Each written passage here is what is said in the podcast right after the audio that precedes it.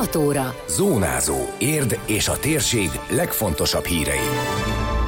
Az őszi járványhullám elkerüléséhez a nyáj immunitáshoz további másfél millió beoltott kellene a víruskutató szerint.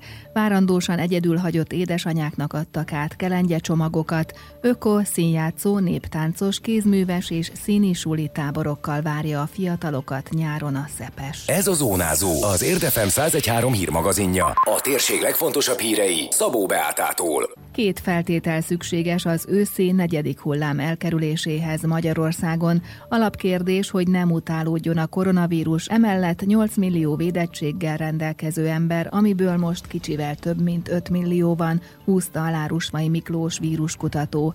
A nyáj immunitáshoz még legalább másfél millió magyart be kellene oltani tegyük fel, hogy átvészeléses, tehát a betegségen átesett további másfél, tehát van átvészeléses immunitás mondjuk még másfél millió, még mindig kellene oltanunk körülbelül másfél milliót.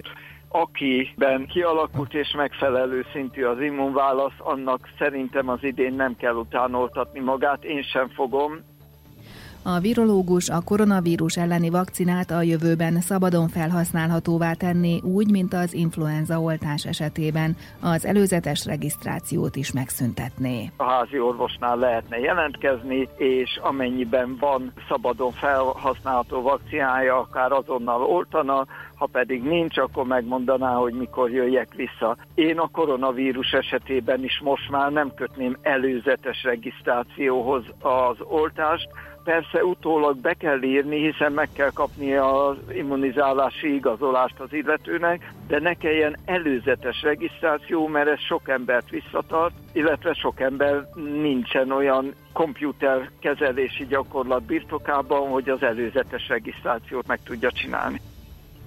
Kelengye csomag rászoruló családoknak a polgárok házában három várandósan egyedül hagyott édesanyának adott át baba-mama csomagokat egy cég. Sorra felkeresik a megyei jogú városokat, és miután volt egy adománygyűjtés, az Anyák az Anyákért alapítványjal közösen eljutottak érdre is, mondta el Huber Katalin tulajdonos. A 250 ezer taggal rendelkező online közösséghez havonta csak nem 3 ezer új várandós édesanya regisztrál országszerte. Több ezren jelent jelentkeztek baba-mama csomagra is. Sajnos jelen pillanatban Magyarországon minden tizedik újszülött baba megy úgy haza a kórházból, hogy szülés után otthon nem várja apuka, és ezeknek a családoknak szeretnénk segítséget nyújtani ezekkel a nagyszerű kelengye csomagokkal, amiben jelen pillanatban 22 értékes kelengye található. Megkerestük ugye Érd megyei jogú városát, és itt a helyi védőnökön keresztül, illetve gondolom a szociális osztályon keresztül, ahogy egyeztettem itt a szervezőkkel, gyakorlatilag pillanatok alatt találtak sajnos három édesanyát itt is, ami jellemző az egész országra.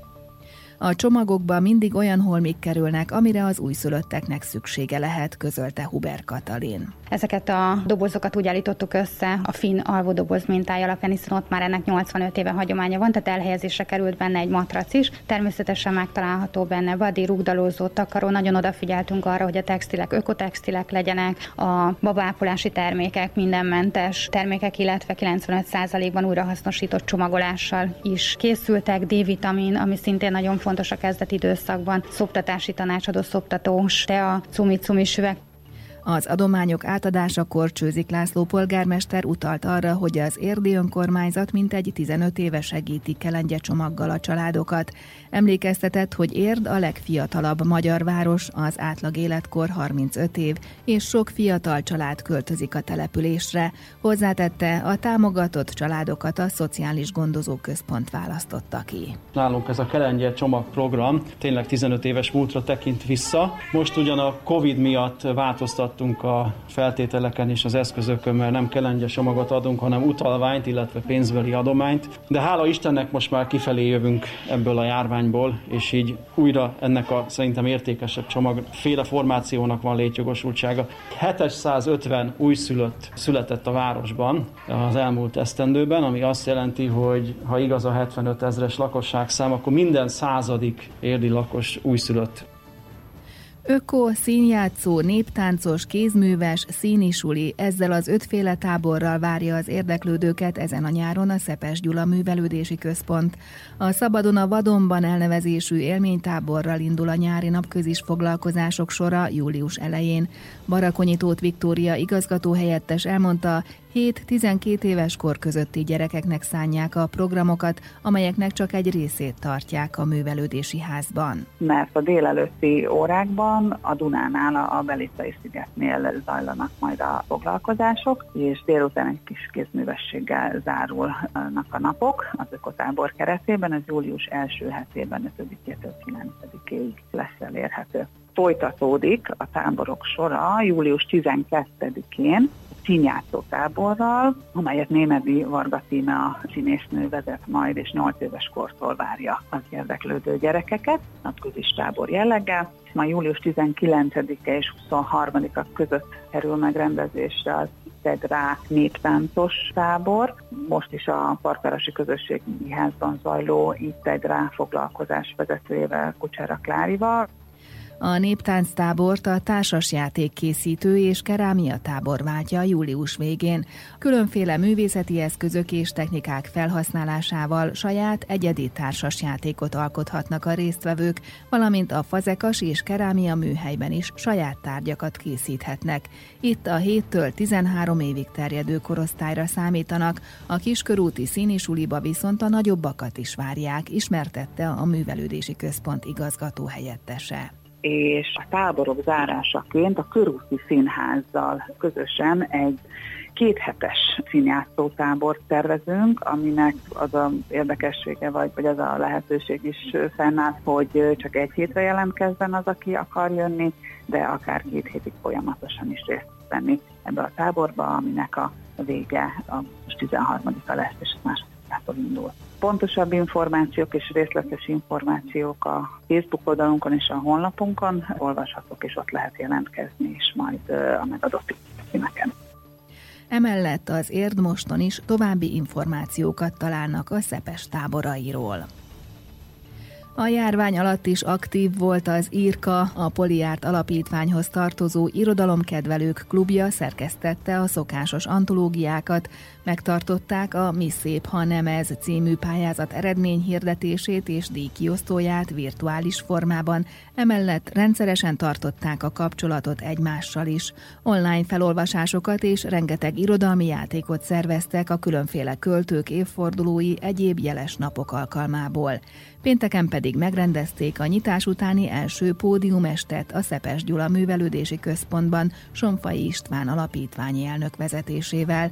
Több mint fél év telt el az utolsó jelenléti programjuk óta, októberben találkozhattak így utoljára, mondta Daróci Lajosné, az IRKA vezetője. Hat szerző, hat könyve ez alatt az idő alatt született meg. Nem mindet mi adtuk ki, a Poliát kiadó, hanem külön-külön van, akinek van saját kiadója, és ők szervezték, de hát nem akartuk azért ezt online bemutatni, majd egyenként ülnek ki Sonfai tanár úr. A pódium beszélgetések mestere, ő fogja vezetni.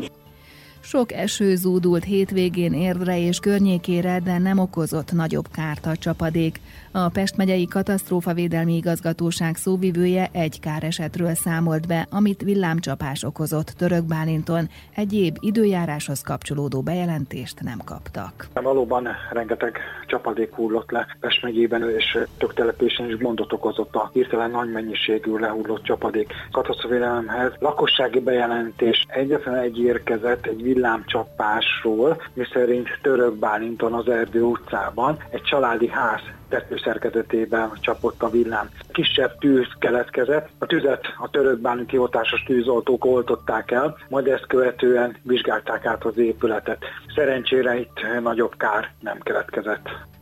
Egyes utcákon, parkolókban hömpölygött a víz érden, és Csámpai Attila felhívta a figyelmet az árkok tisztán tartására, megjegyezve, hogy a június is jellemzően csapadékos szokott lenni, és a hirtelen sok esőt hozó felhőszakadások szintén gyakoribbak és ilyenkor a katasztróvédelem fel is szokta hívni a lakosok figyelmét az árkok, az ártereszek karbantartására, kitisztítására, hogy a hirtelen nagy mennyiségben lehulló esővizet nem képesek átengedni. A legtöbb esetben ez vagy az épületek pincéje, alapsorai, garázs, melléképületek, illetve az udvarokat önti el, és ugye komoly anyagi károkat, illetve bosszúságot okozva. Ugye írnek is megvannak ezek a frekventált helyei, hogy sajnos ugye mindig előfordulnak és rendszerint kell vonulni a tűzoltóknak, ugye az vasútállomás környékén, az aluljárónál, bizonyos utcákon, Kitért arra, hogy nyáron gyakrabban vannak viharok, ilyenkor a csapadékvíz mellett az erős szél okozhat gondot, amire érdemes felkészülni.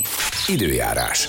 Országszerte több órára kisüt a nap, az időnként gyülekező felhőkből legfeljebb délkeleten lehetnek záporok. A szél többfelé megélénkül, a legmagasabb hőmérséklet 20 fok körül várható. Zónázó. Zónázó. Minden hétköznap azért efemen. Készült a médiatanás támogatásával a Magyar Média Mecenatúra program keretében.